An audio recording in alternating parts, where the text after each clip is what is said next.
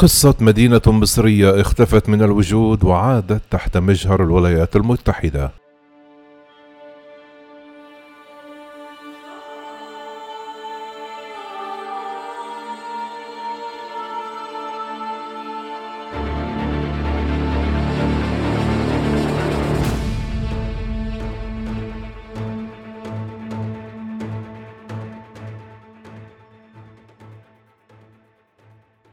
ظل علماء الآثار لسنوات طويلة لا يعرفون سبب هلاك مدينة برنيس المصرية القديمة على ساحل البحر الأحمر التي هجرها السكان فجأة منذ حوالي ألفي عام.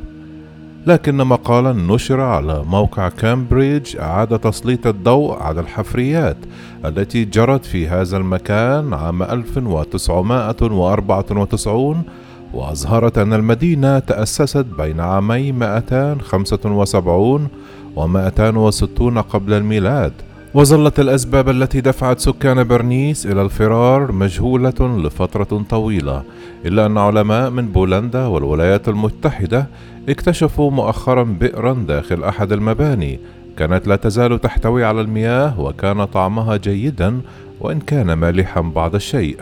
وعندما بدأ علماء الآثار في التنقيب عن مصدر المياه وجدوا طبقات من الرمال على عمق كبير ووجدوا عدة عملات معدنية صنعت قبل 200 عام من عصرنا.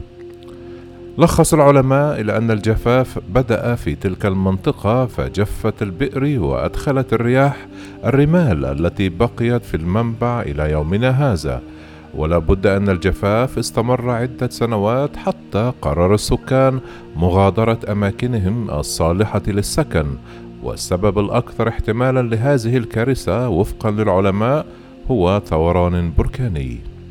يشار إلى أن هذه المدينة كانت تسمى ميناء أهل الكهوف وفق تعبير اليونانيين وأطلق عليها في العصر البطلمي برنيس الذهبية.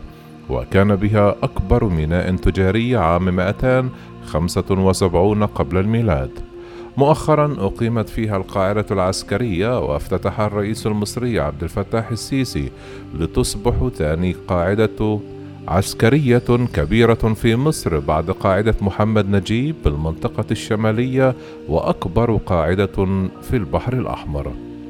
عين الولايات المتحدة على هذه المدينة كانت الولايات المتحدة أيقنت أهمية هذه المنطقة استراتيجيا. لذلك تفاوضت مع مصر في عهد الرئيس الراحل أنور السادات لبناء قاعدة عسكرية أمريكية.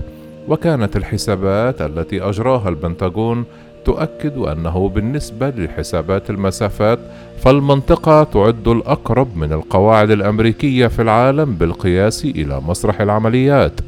كما أن تكلفة إقامة قاعدة في برنيس تعادل نصف التكلفة التي ستقام فيها قاعدة في تركيا وثلث تكلفة إنشاء قواعد أخرى وسيتكلف نقل المعدات والأفراد والجنود إليها سدس تكلفة النقل لأي قاعدة أخرى في العالم.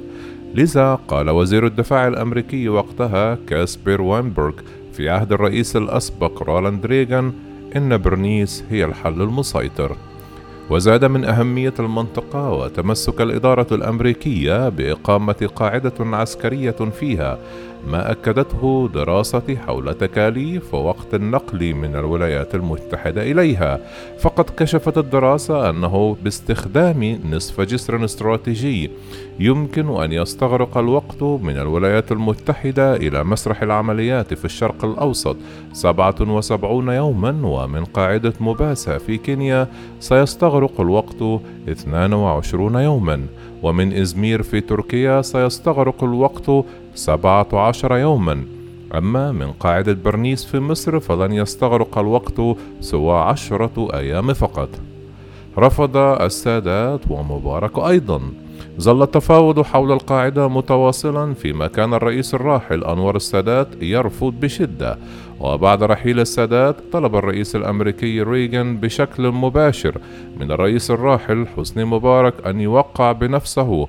على خطاب تعهد يتيح للولايات المتحدة استخدام القاعدة بنفس الطريقة التي قدم بها السادات تعهدا سابقا يسمح فقط باستخدام القاعدة في حالة تعرض مصر وأمريكا لخطر مشترك، لكن مبارك رفض بإصرار شديد وجود أي قواعد أجنبية في مصر.